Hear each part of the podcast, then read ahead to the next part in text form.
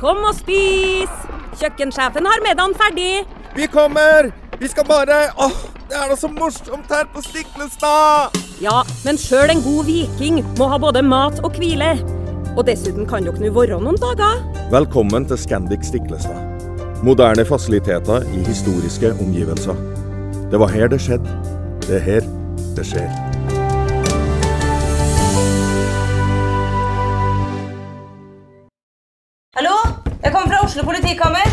Ine Jansen er purk. Er du purk? The motherfucking bitch. Alt jeg vil, er å finne ut hva som skjedde med mannen min. Jon Carew. Er jeg sikta for noe? Iben Akeli. Det er du. Ole So, Lars Berrum og Big Daddy Karsten. Hvem sin side er du på, egentlig? Anette Hoff, Tone Danielsen, Kommer du fra Afrika? Jørnis Josef, Nesten. Kløfta. Trond Espen Seim, Det er synd å si det, men det var feil mann som døde. Purk. Premiere tirsdag på TV2 Play.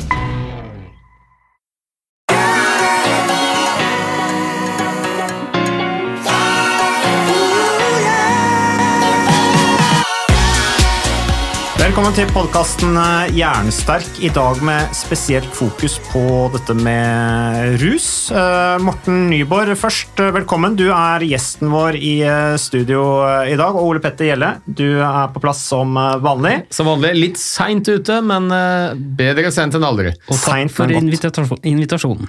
Veldig hyggelig at du kunne komme, Morten. Vi traff hverandre forrige uke i forbindelse med en annen podkast, faktisk, eh, som ikke skal, er tema her nå. Men det som er eh, litt interessant, er at eh, vi har jo fått eh, Ole Petter, spørsmål om dette med, med rus tidligere, og så har vi på en måte latt det ligge litt, um, fordi at du ville sjekke litt nærmere og sånne ting.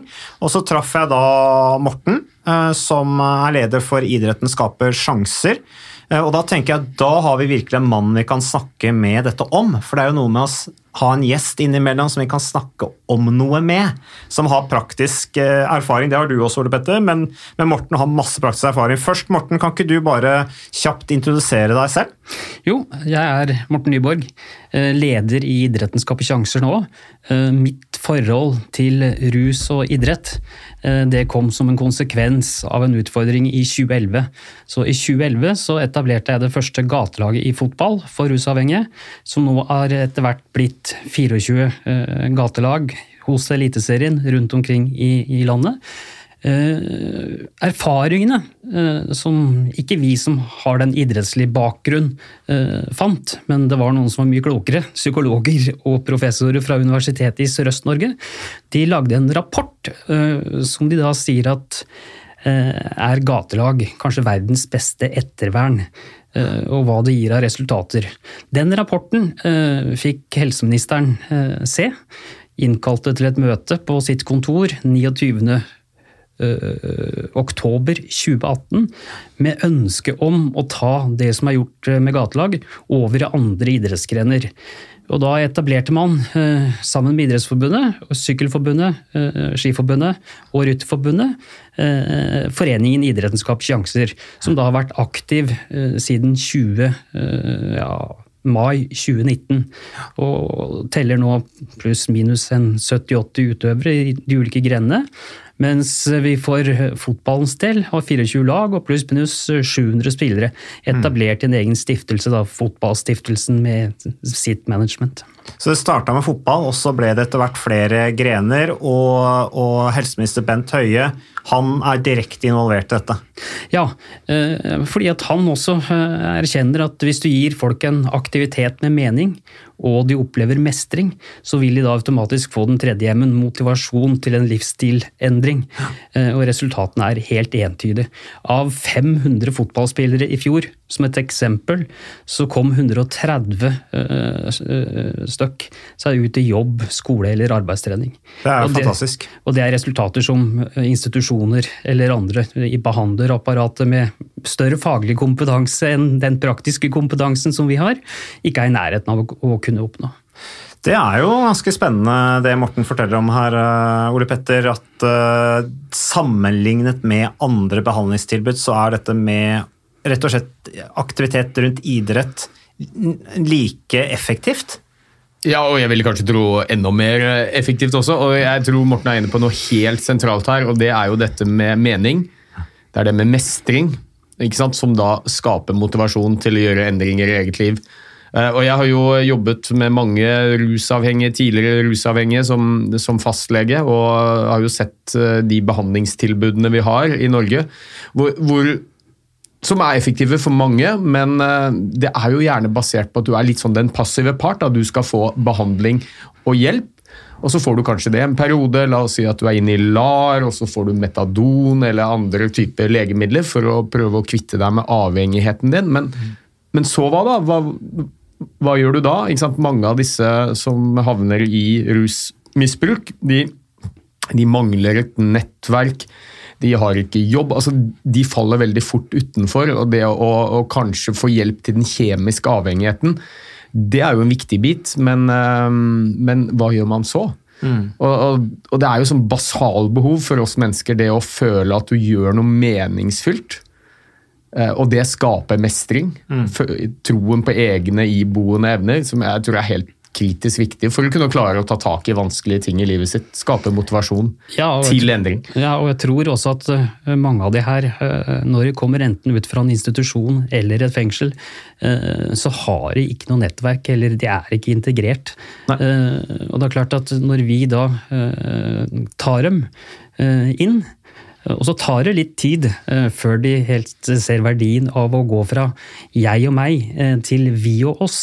Men når de kommer seg dit at de er vi og oss, eh, så begynner de å se på eh, klubben eh, eller grenen sin som sin familie. For de har, veldig mange av dem har også eh, sterke svakheter i forhold til eh, sin biologiske eh, familie. Mm.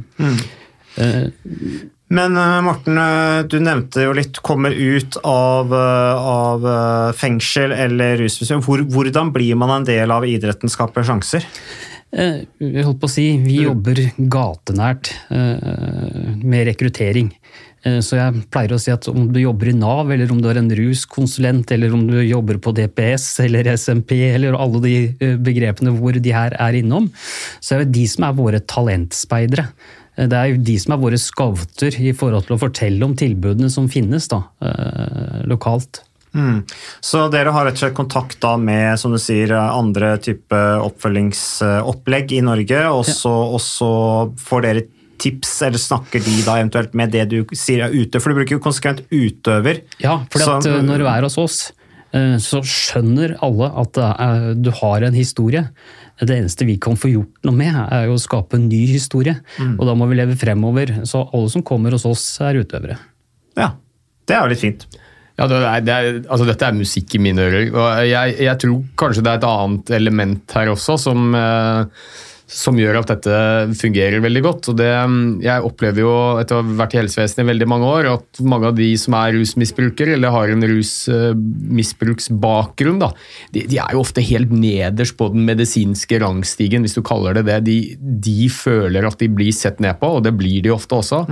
Og um, har problemer med å bli anerkjent i, i behandlingsapparatet, om det er på sykehus eller hos eh, fastleger. Og, og jeg har jo blitt veldig godt kjent med mange av disse pasientene. ikke sant? Og det de, Mange tenker kanskje at dette her er en, eh, ja, en En som er rusmisbruker, det er ikke noe Altså, At det sier noe om hva slags menneske det er.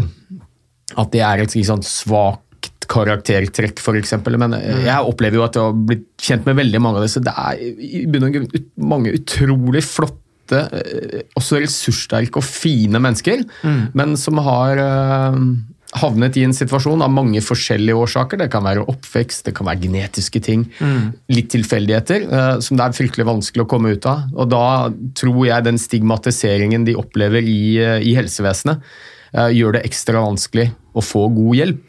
Og her ser jeg vel for meg at dette er et tilbud hvor man hvor man virkelig blir tatt på alvor, og det er ikke noen nedenifra og ned, ovenifra og ned-holdning. Nei, det her, eh, for det første så er det lavterskeltilbud ja. med fryktelig høyt opp under taket. Ja. Eh, For skulle du gå på en skrell, eh, så er det viktigere at du kommer eh, til treningstilbudet. Du får eh, maten, eh, og du får omsorgen og kaffen. Eh, Du får ikke lov å være med, trene, være med å trene, men det er viktigere at du kommer i, i stedet for å bygge en dørstokkmil hjemme og bli sittende i ensomhet. For du blir veldig fort ensom. Eh, Litt eh, hyggelig at du nevner det med ressurser. For de har veldig mye ressurser. Så øh, jeg innførte et nytt begrep, fordi at når jeg i sosiale sammenhenger ble spurt om Morten, hva driver du med? Så, så sier jeg da gatelag.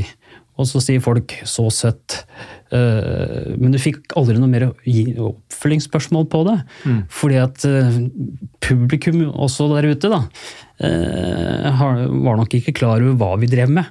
Så når jeg innførte et nytt begrep nettopp i forhold til det med ressurser, så når noen da spurte meg i nye sammenhenger, så sier jeg at jeg driver med gjenvinning.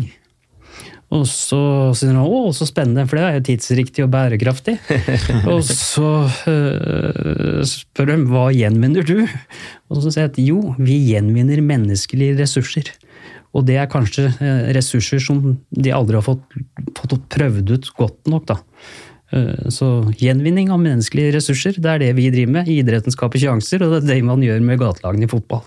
Jeg tenker jo i forhold til dette med ressurser, eh, som du nevnte, Ole Petter, og som du støtter opp om, Morten, der, at dette her er vel i utgangspunktet Dette er ikke bortskjemte mennesker. De har ikke hatt en ganske tøff kanskje, eh, fase, eller vært igjennom tøffe faser av livet. Mange av dem har på en måte arva problemet òg, ikke sant. Mm. Sånn at eh, de har aldri fått noen sjanse. Og så da er det enten en ball eller en hest eller en sykkel eller noen ski, da, som, og det fellesskapet som de føler sammen, er det som bidrar. Eh, og så har jo definitivt den på å si, fysiske effekten, at når blodet begynner å strømme bedre, så vil du også ha en rask raskere tilfriskningsprosess. Så for oss er det jo kjempegledelig å se at eh, når eh, de begynner å trene og er med over tid, så ser jeg at medisinbruken eh, også går ned, at de trapper ned på dosene sine. fordi at vi bytter ut amfetamin med endorfin. Ja, nettopp. Så det, det, det, det klarer de altså. Ja, og Det er et veldig godt poeng. Jeg har en del tidligere rusmisbrukere som bruker en del eh, det vi kaller beroligende legemidler, type Sobril og Vival, som en slags erstatning for sterkere, de sterke rusmidlene de har brukt tidligere. da. Og, og, mange har jo eh, opplevd at det er, det er, ganske trøblete, for det vil ikke helsevesenet at disse eks-rusmisbrukerne skal bruke. Vi i hvert fall ikke lar, og det er strenge restriksjoner på fastlegene.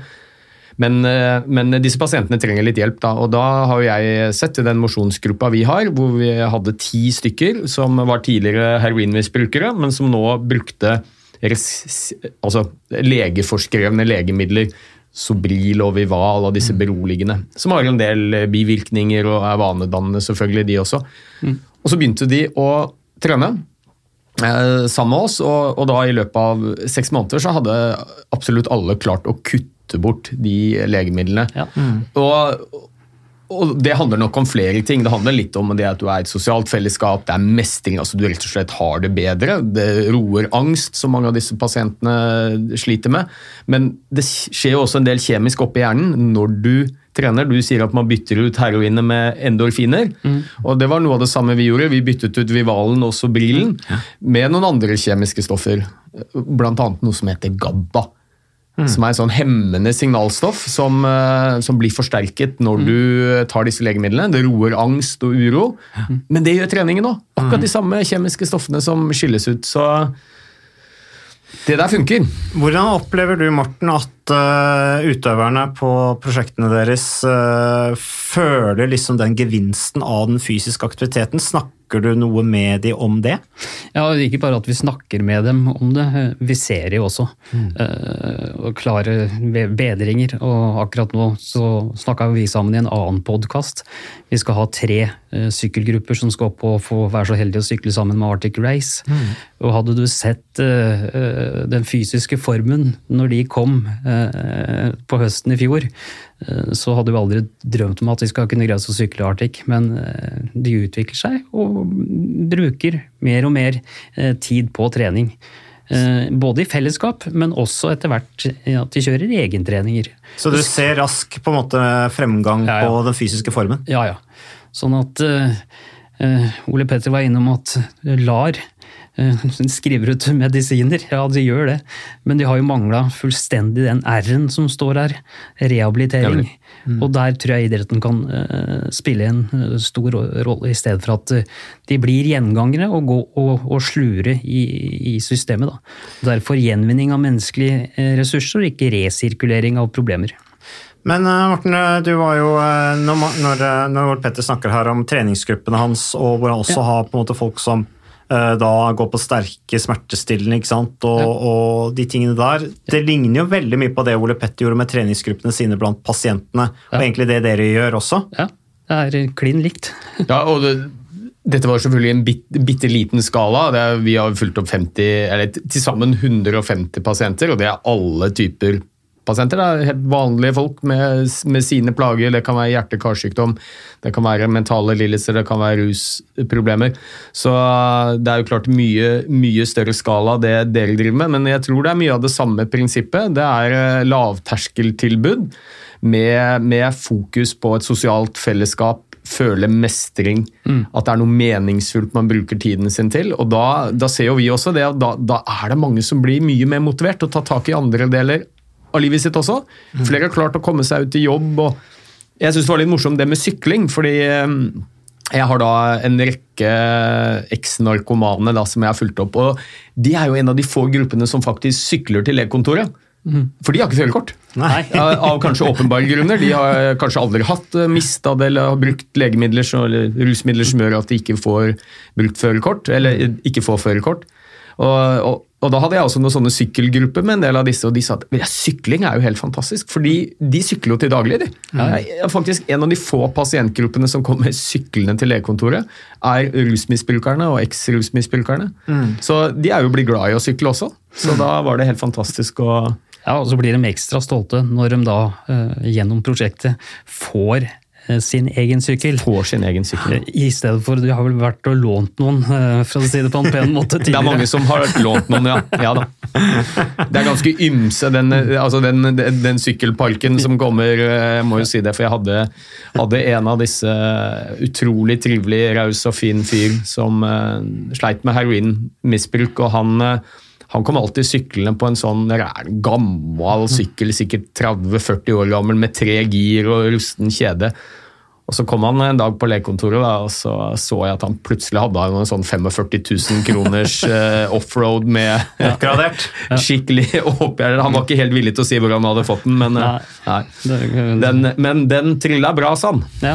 Men her så får de utstyr Ja. gjennom sjanser. Ja, og det gjør du også eh, hvis du er i et, eh, et av gatelagene. Fordi at eh, den gruppa som kommer her, de kommer med ikke noe. Mm. De har knapt det de kan gå i den dagen de kommer.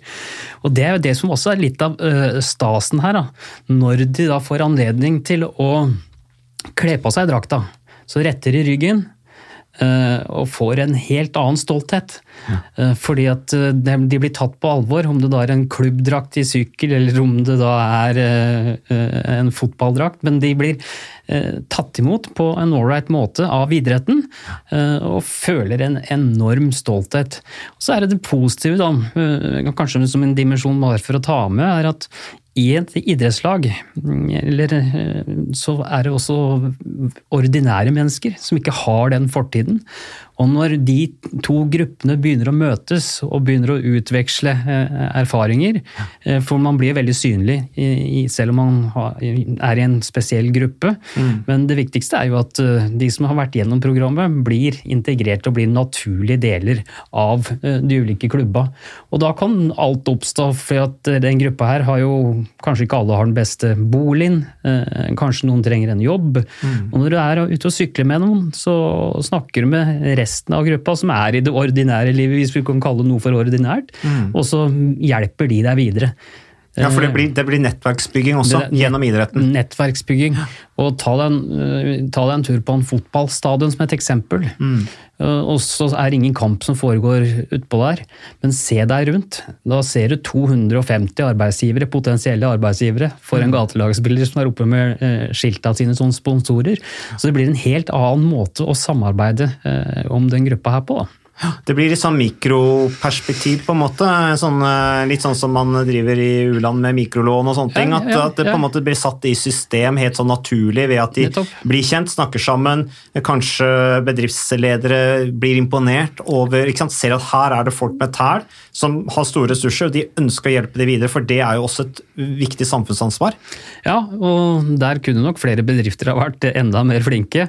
Eh, Men noen er i ferd med å, å, å ta det, og blir kjempestolte. eh, Og da blir de også stolte samarbeidspartnere med de ulike klubba. Fordi at da har, sammen, da har holdt på å si, dialogen, kall det gjerne en sponsor og klubben, fått noe annet også å snakke om. Og en stolthet inn i å hjelpe andre på den måten. da. Eh, Det har jo Bergen sykkelklubb er jo en av de klubbene dere samarbeider med. Jeg Ja. kjenner jo han som er eh, trener der for Stian, utøverne. Stian Remme, ja, som Ja. har en annen plass fra NM i ja, det var i 2008, tror jeg, i Bergen, bak Kurt Arsle Arvesen. Eh, Han er jo da en av trenerne. Hvordan er det han på en måte introduseres da til, til da en ny utøver som da kommer på, på treninga? Hvordan er på en måte overgangen? Eh, Jeg holdt på å si eh, Bergen, når du tar opp den, eh, så er den en veldig spesiell case. Fordi at der kommer alle utøvere fra Bjørgvin fengsel. Sånn at det var Bjørgvin fengsel som tok kontakt eh, med meg, og så sier de at eh, vi har lyst til å gjøre noe av det dere gjør. Eh, Hva kan vi gjøre? Jo, så har vi lagd en sykkelgruppe. Og da har Stian blitt introdusert gjennom at han har vært ute og holdt spinningtimer og, den biten overfor de, da.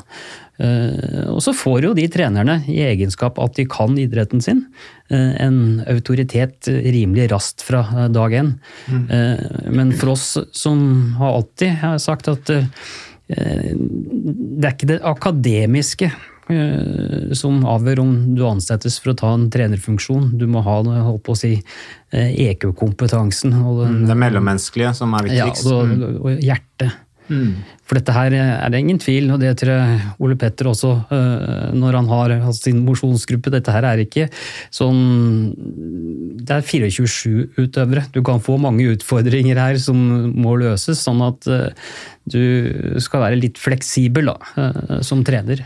Men jeg regner jo med at eh, den Altså, det er jo mange Samfunnet har jo mange på en måte type behandlingsopplegg og oppfølgingsopplegg. Det vil jo det Idretten skaper sjanse vil jo være veldig avlastende, tenker jeg. For da de andre mer etablerte behandlings- og oppfølgingsoppleggene som eksisterer for folk som er på vei ut av rus, eller er på vei tilbake til samfunnet etter en, en, en dom.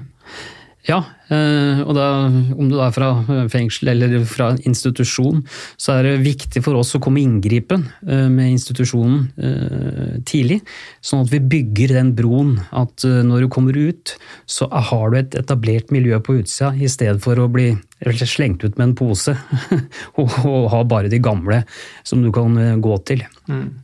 Og der har, har Norge en solid jobb å gjøre. Det brukes masse penger i, i rusomsorgen, men dessverre, det er eh, mye penger rett ut av vinduet. Det sier jo institusjonene selv. Men uh, dere, du, så det er, du, sier du da, Morten, at det er kamp om ressurser? Jeg vet jo at dere har jo en, uh, Johan Andresen, en av Norges rikeste menn, er jo inne som, som støttespiller hos dere. Men er det, er, det, van- er, det, er det tøft å få ressurser nok til å kunne drive dette? Du, uh, i starten, uh, første laget, så var det da Johan som måtte på banen når vi etablerte i Fredrikstad. Han tok det på hælen, og det holdt med et håndtrykk. Og for å få det opp å stå, så gikk det vel to-tre år hvor det var litt sånn gnisning mot eh, Ikke gnisning, men at eh, vi, vi søker jo tilskudd eh, fra Helsedirektoratet. Men vi hadde ikke den helt store politiske forankringen. Men eh, Bent Høie, fra når han kom i posisjon eh, 2013, så har han eh, vært med og sørga for at vi har fått tilstrekkelige midler, men den veksten vi eh, har ønsket oss. Altså, for vi har jo prøvd å kjøre det her på en sånn fornuftig måte at eh, du har kontroll på kvaliteten i leveransen. Så all ære til Bent Høie eh, og hans regime. Eh, Nå er vi nok kommet dit, i egenskap av størrelse, at det er en tverrpolitisk eh, enighet om at det er en fornuftig måte å bruke penger på. Ja, Basert på erfaringene de har sett Ja. at dette her faktisk Ja. fungerer. Høres ikke det kjent ut, Ole Petter? Blant annet fra Mode Bad, fysisk aktivitet, idrett. liksom. det, er, det er fremdeles ikke alle som har tro på det. Nei da, ja, det, det er litt som du sier, det, dette med fysisk aktivitet blir sett på som rekreasjon og litt sånn privat anliggende, men eh, jeg tror vi får mer og mer øynene opp for at det er, det er medisin på veldig mange forskjellige måter også.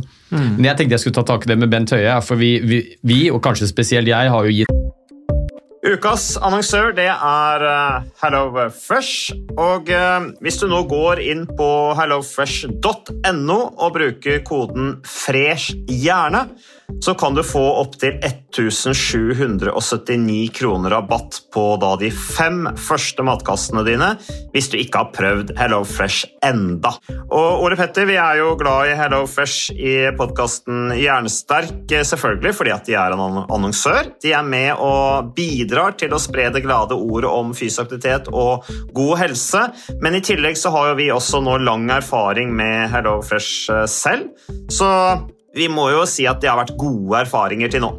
Ja, absolutt. Visste du, Mats, at HelloFresh det er faktisk verdens ledende matkasseleverandør? Og tilbudene til HelloFresh gjør det enkelt å lage gode og varierte retter som skaper matglede.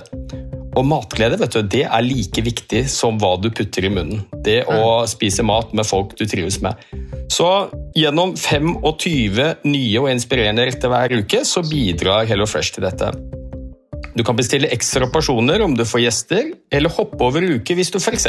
skal bort. Og Det er ingen bindingstid, og du velger leveringstidspunkt og dag selv, så leverer HelloFresh matkassen din akkurat når det passer deg. Ikke dårlig, Mats. Nei, det er veldig bra. Så, øh, og dette er med enklere hverdag, det kan jeg nå skrive under på. For nå, forrige erfaring vi hadde forrige uke, Ole Petter, det synes jeg var Det var jo et gjennombrudd øh, for familien Kaggestad. For da lagde rett og slett barna De lagde middag og serverte middagen, så den var ferdig laget og servert da når eh, min kone Marita og meg kom hjem fra jobb.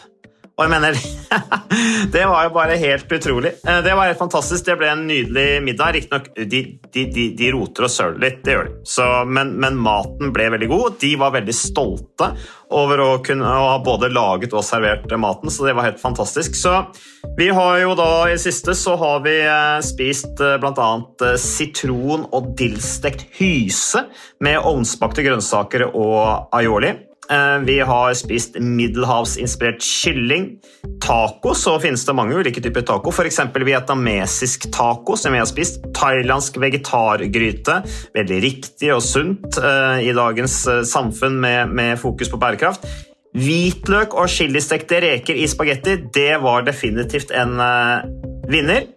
Så det er så flott. Du får rimelig mat ved at du kun betaler for det du trenger, så det blir ordentlig feststemning med Hello Fresh.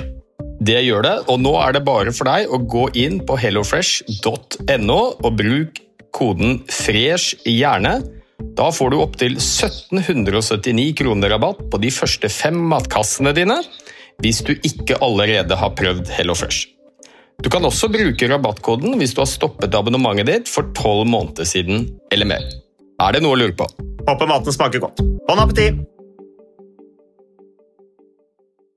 han mye, mye pepper i mange av disse episodene våre når vi snakker om det jeg mener har vært dårlig folkehelsepolitikk med fysisk aktivitet hos barn og skatter og avgifter på usunn mat osv. Sånn. Men her, kudos til at han virkelig har sett at dette her kan være et, et ja. viktig og nødvendig verktøy for veldig mange av de som faller utenfor samfunnet.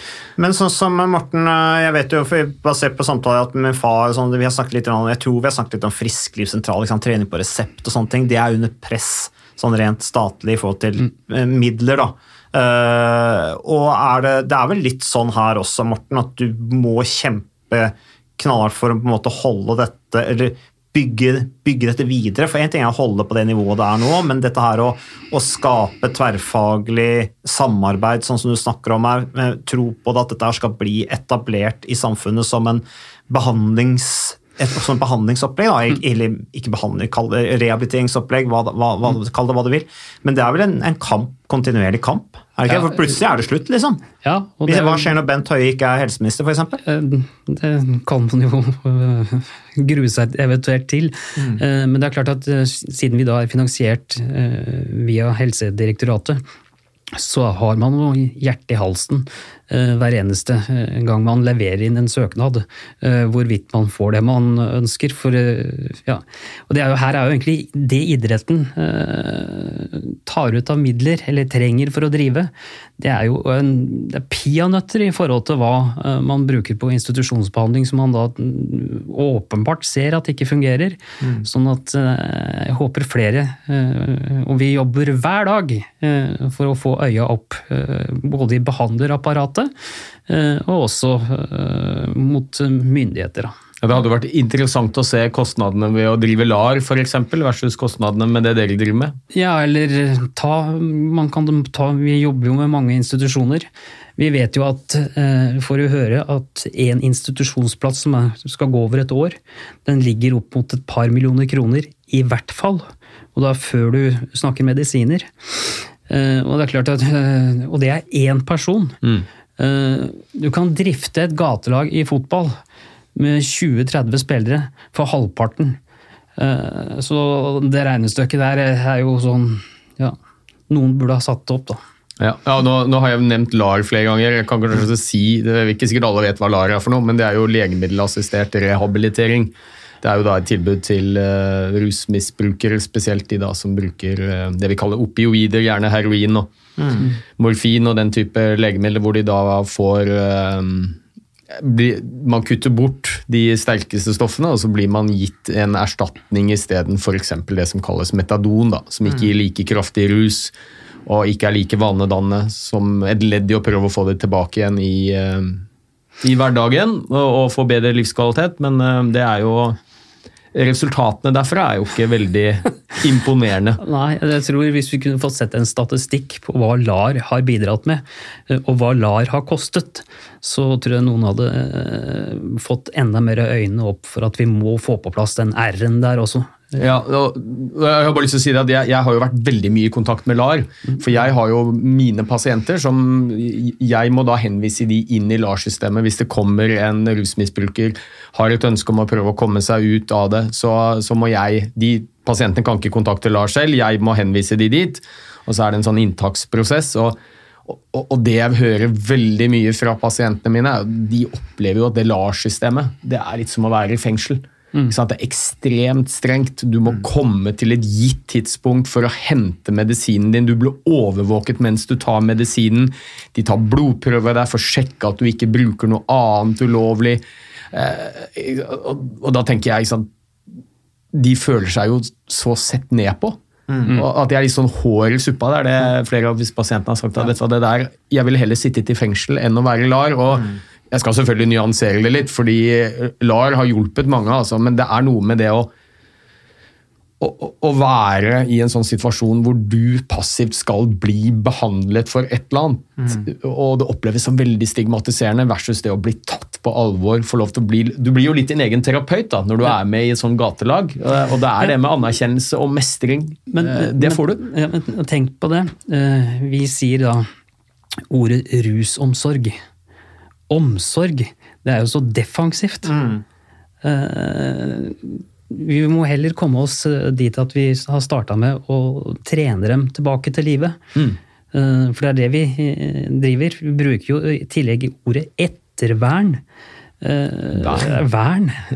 Vernes mot hva? Ja, du føler, og Når du legger det da sammen med eh, måten du blir behandla i LAR Ja. eller andre steder, eh, så det er ikke mye eh, offensivt og motiverende i det.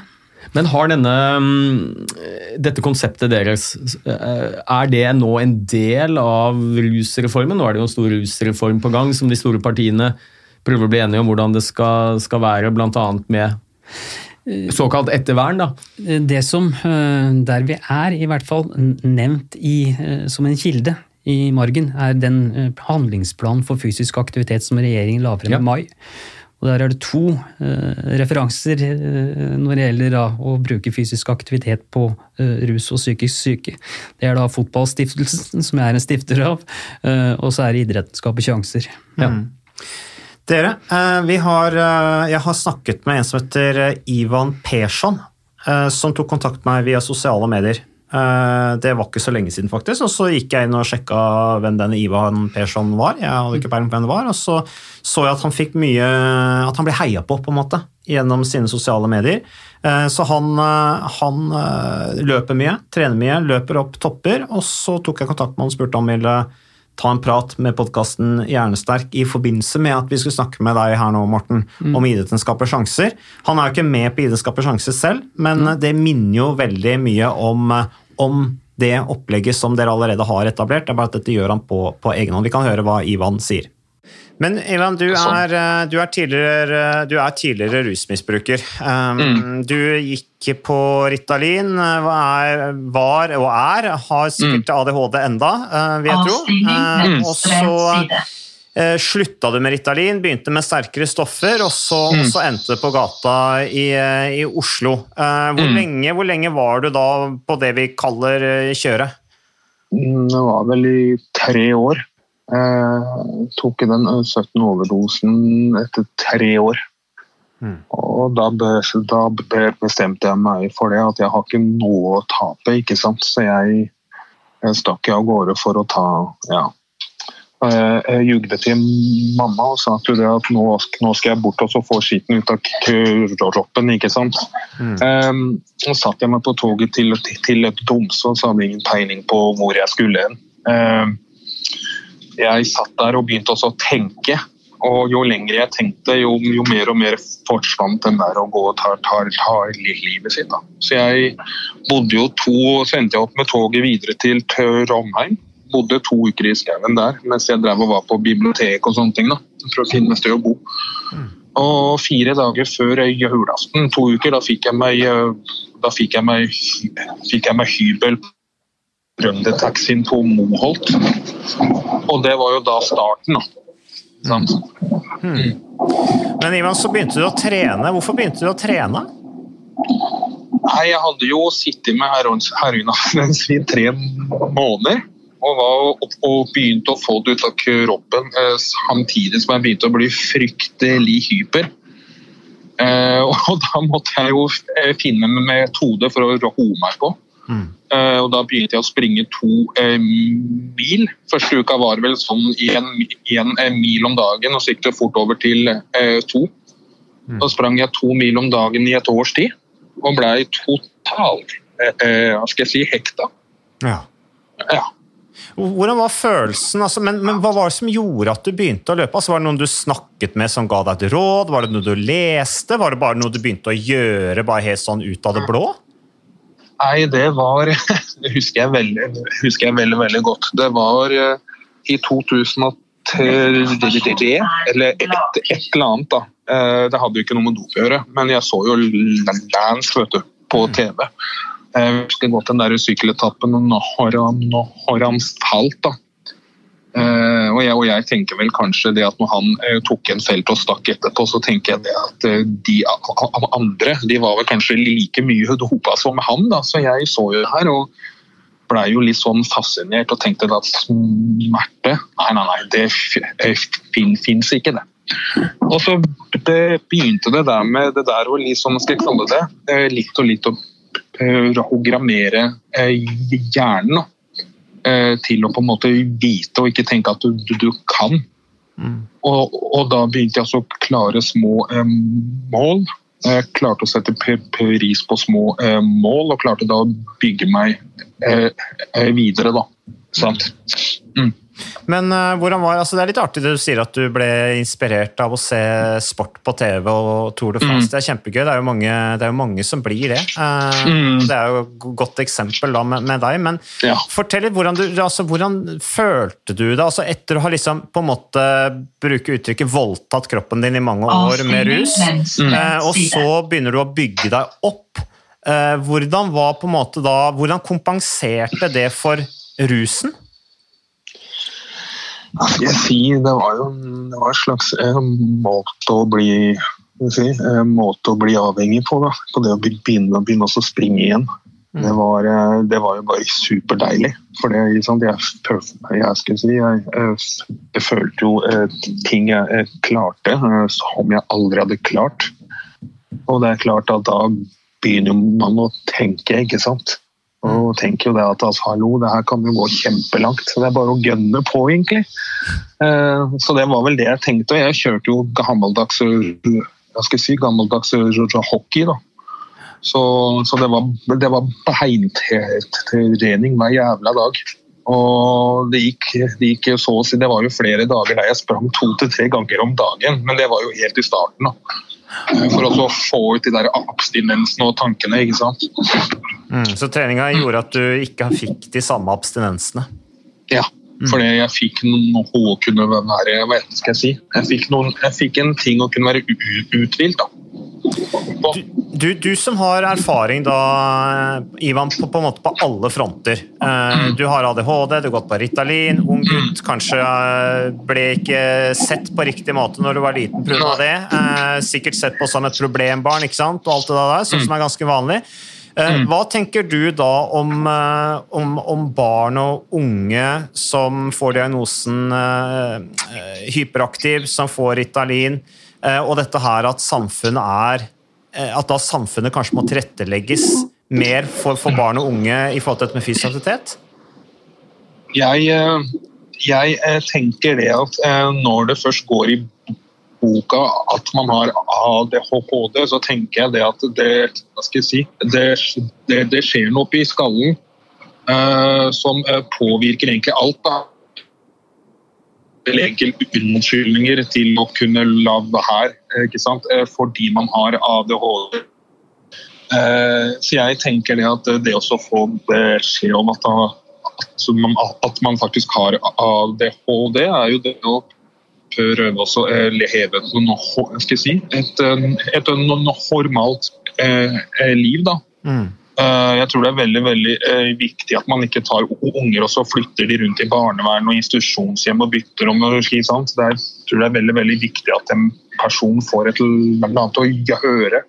For det, en, en, når man gjør noe, så går tankene over på helt, helt andre ting. ikke sant? Mm. Men i tillegg, eh, Ivan, eh, nå er det mulig jeg putter orda i munnen på deg, men, eh, mm. men, jeg vil jo tro at også dette med å få ut fysisk energi da, gjennom, mm. gjennom kanskje målretta fysisk aktivitet, mm. at, det er, at, at det legges ekstra vekt på det? Basert på dine erfaringer, så tenker jeg at det må jo være lurt. Neste stasjon er ja, eh, jeg tenker jo det, da. At eh, det å være eks-rusmisbruker og plutselig stoppe å løpe, det er veldig, veldig farlig. Mm. Er, jeg tenker det at det er eh, Jeg sier jeg, eh, jeg tenker det at slutter man med aktiv trening, så er det plutselig ikke så veldig mye, mye å høre. ikke sant? Du, du blir, du blir f.eks. sittende Eh, og da når du sliter med ADHD, så, så kommer fort den der energien igjen. da. Eh, den der energien som gjør det eh, vanskelig for oss å sitte stille. Mm. Og det er jo noe som kan slå ut på det ene og andre. Noen folk går og gjør faenskap, noen folk må liksom skje noe hele tida. Noen, noen folk høy hasj. Mm, mm. Det er jo veldig, veldig sånn, da. Ja. Mm. Men Ivan, siste spørsmål. Du er jo på toget. Eh, men, mm. men uh, dette her når du kommer deg ut, ikke sant? og du er ute i mm. naturen, du er ute og løper, gjør det noe med perspektivet ditt også på, på livet? Hva tenker du om det? Ja, jeg tenker at det er det fineste som fins. Det er det å komme seg ut og gå i skogen en uke sånn helt for seg sjøl. Gå på fjellet, fyre bål, gå fra hytte til hytte. Det er det er jo til min, eh, si, det er jo til min mening en av de beste medisinene du kan ha. Mm. Mm. Mm. Har du liksom blitt kjent med deg selv på en annen måte gjennom uh, å, å, begynne å trene, begynne å være ute i naturen? Ja. Jeg, eh, jeg, jeg, jeg fikk ikke jo et annet synspunkt uh, på ting uh, hvor, hvordan jeg fungerer. Eh, hva jeg er i stand til, f.eks. Mm. Eh, og det å liksom tenke, pos, si, tenke pos, positive ting, da, og ikke liksom tenke det at alt er fælt og alt er dritt, for da på en måte, måte skaper man sitt eget Det er ikke sånn. Så det er veldig, veldig dritviktig å komme seg ut i skogen og bruke hoppen. da. Mm. Utrolig artig å snakke med deg, Ivan, så vi må snakkes mm. mer. Men nå er du på vei opp til eh, Lillehammer, og så skal du opp til Mosjøen. Så du er ute på en liten eh, reise igjen, og det er jo litt av en reise du er, er i gang med. egentlig. Masse lykke til også med alle prosjektene du har rundt, og du, du skal løpe opp topper, du? Ja, mange. De aller, aller største.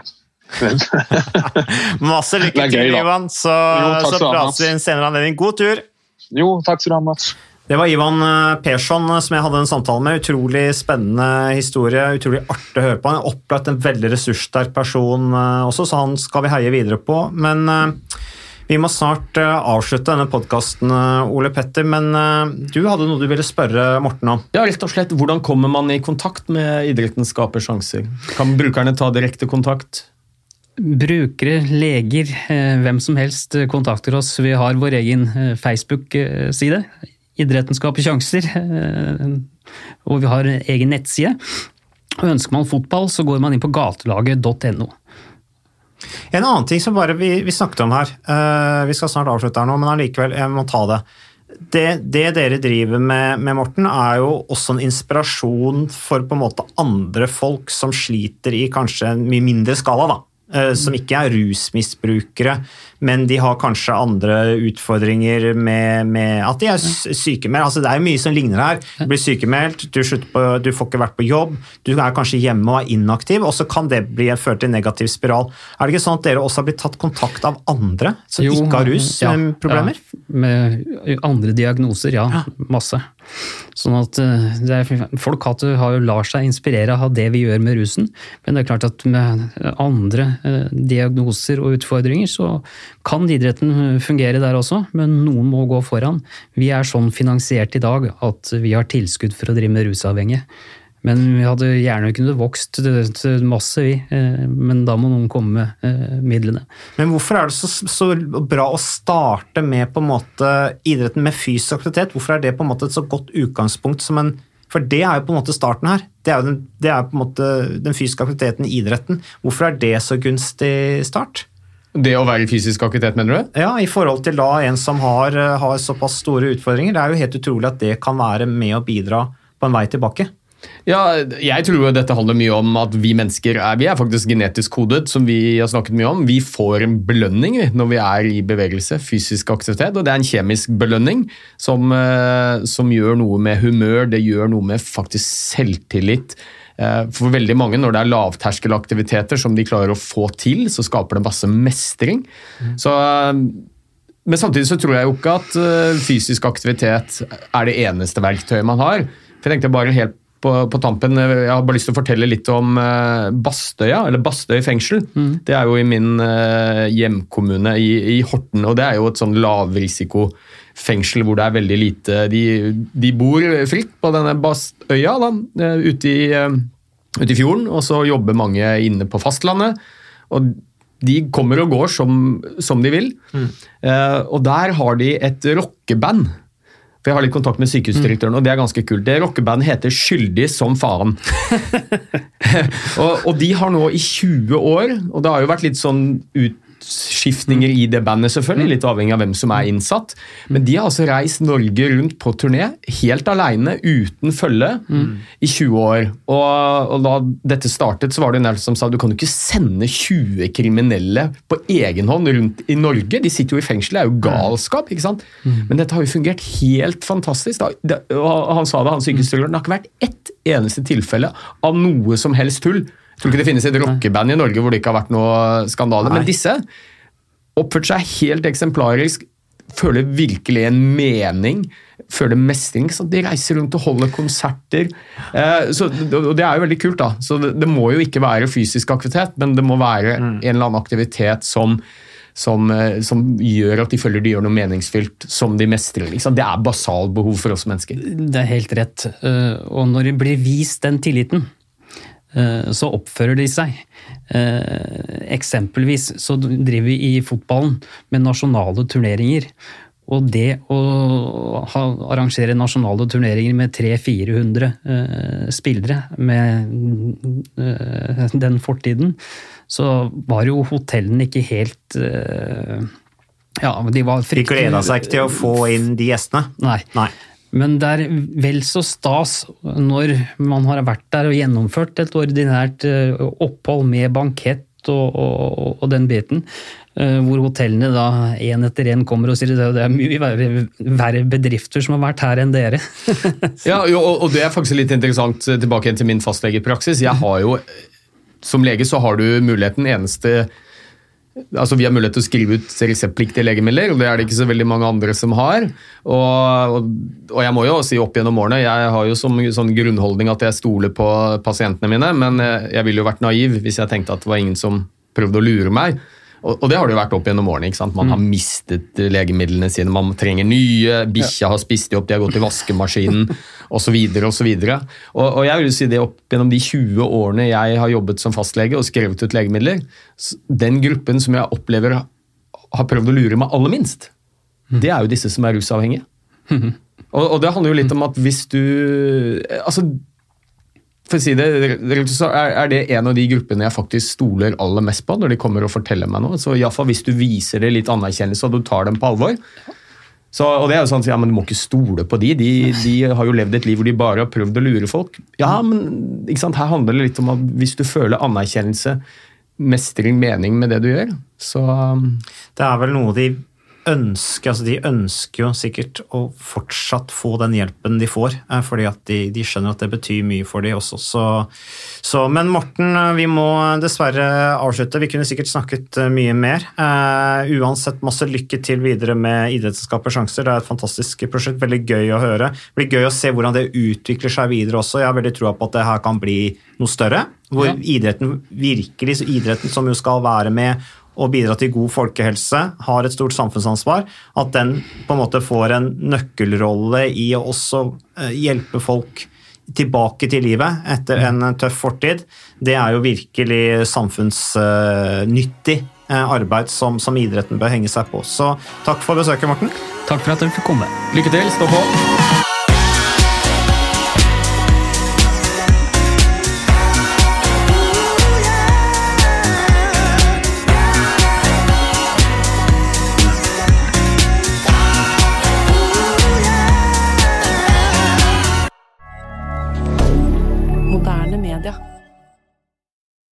Har du et enkeltpersonforetak eller en liten bedrift? Da er du sikkert lei av å høre meg snakke om hvor enkelt det er med kvitteringer og bilag i fiken, så vi eh, gir oss her, vi. Fordi vi liker enkelt. Fiken superenkelt regnskap.